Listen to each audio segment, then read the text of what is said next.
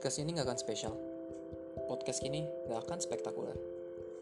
Podcast ini hanya akan berisi tentang isi pemikiran saya terhadap berbagai fenomena di dunia. Podcast ini sekedar lamentasi realita yang tidak ada kunjungnya.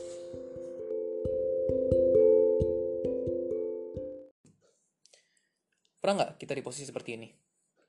Lu lagi ada temen yang panik karena kesulitan ngejar tugasnya yang udah deadline-nya mepet. Dia cerita ke lu tentang keluhannya. Dia minta advice dari lu. Apa yang lo akan lakuin? Biar sederhana, em, kita bikin ada tiga opsi ya. Yang pertama, kita coba konsol dia dengan kasih sayang dan ucapan seperti it's going to be okay, semuanya akan baik-baik aja. Yang kedua, kita coba tenangin dia dengan peralihan isu, biar dia kalem dikit. Misalnya kita tanyain, liburan mau ke mana, BTS gimana, cowok lu gimana, atau cewek lu gimana. Atau pilih yang ketiga, kita coba jujur dan belak-belakan ngomong ke dia, buat berhenti komplain dan udah kerjain aja. Biar nggak ribet, gue anggap lu semua jawabnya yang pilihan yang pertama dan yang kedua. Ya belum tentu sih, cuma biar senario gue jalan aja ini.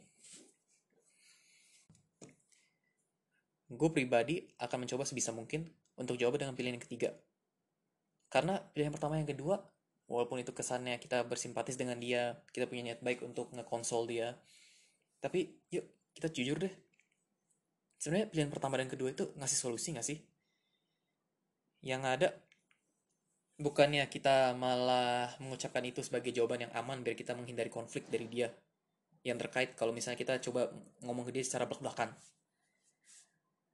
kita bisa bilang kalau misalnya pilihan pertama dan kedua itu merupakan jawaban-jawaban yang aman menghindari konflik itu jawaban yang bisa disebut default lah namun jawaban-jawaban tersebut tuh nggak konstruktif nggak sih?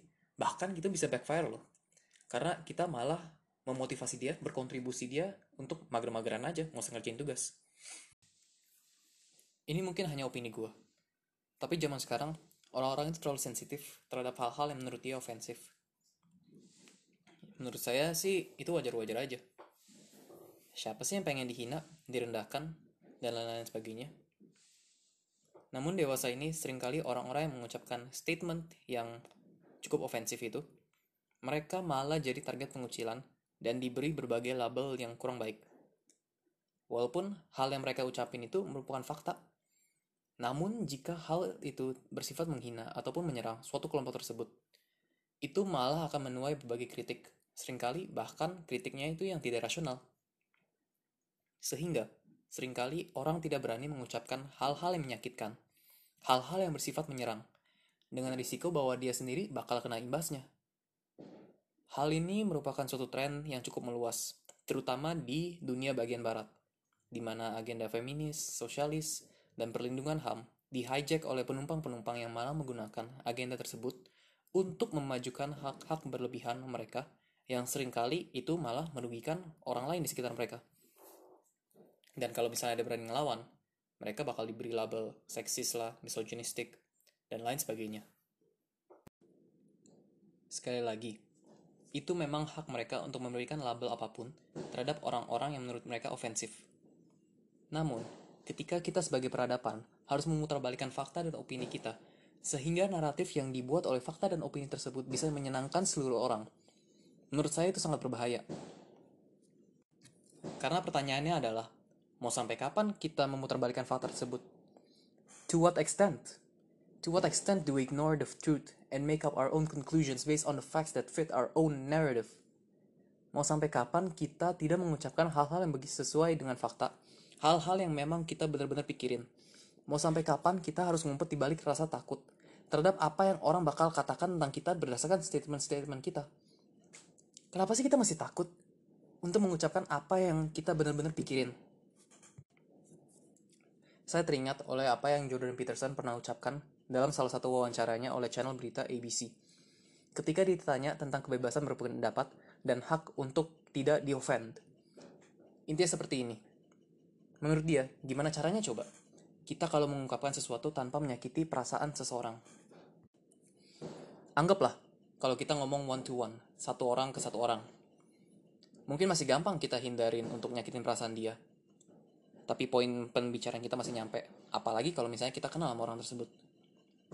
Nah, kalau misalnya audiens kita jadi 10 orang. Gimana tuh caranya biar kita nggak nyakitin perasaan satu orang dari 10 orang tersebut? Begitu pula untuk 100 orang, 1000 orang, sebut aja nomornya. Poinnya adalah, kalau kita mau coba untuk nggak ofensif, untuk terkes untuk terkesan sopan, sekalian aja kita tutup mulut nggak usah ngucapin apa pun sama sekali. Karena one way or another, people are gonna get offended by whatever we say. Walaupun kita diem aja pun kadang-kadang bisa ke offend orang. Jadi poin dari episode ini adalah, udah, kalau lu punya opini atau kalau lu pengen ngungkapin sesuatu, ungkapin aja. Jangan takut ngungkapin apa yang benar-benar lo pikirin sekarang. Jangan takut dengan peer pressure dari orang yang luar yang akan ngejudge lu atas opini lu. Karena orang pasti akan ngejudge lu walaupun lu diem. Namun kita juga harus ingat, orang lain tuh punya hak mengemukakan pendapat yang sama dengan kita. Jadi, ya jangan baper kalau misalnya kita ada orang ya orang lain yang mungkin punya sudut pandang yang berbeda dari kita. Melainkan, kalau bisa dan orangnya itu bersedia, coba ajak orang yang ngobrol. Kenapa sih dia bisa berpikir seperti itu? Dari situlah perubahan dan penggabungan paradigma terjadi, sehingga terbentuk ide-ide dan sudut pandang yang baru. Dan atas dasar itulah, kenapa gue bilang menjadi belak-belakan itu penting.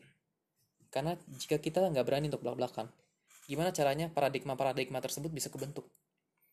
Yang ada, kita malah stagnan dong kalau kita terima status quo.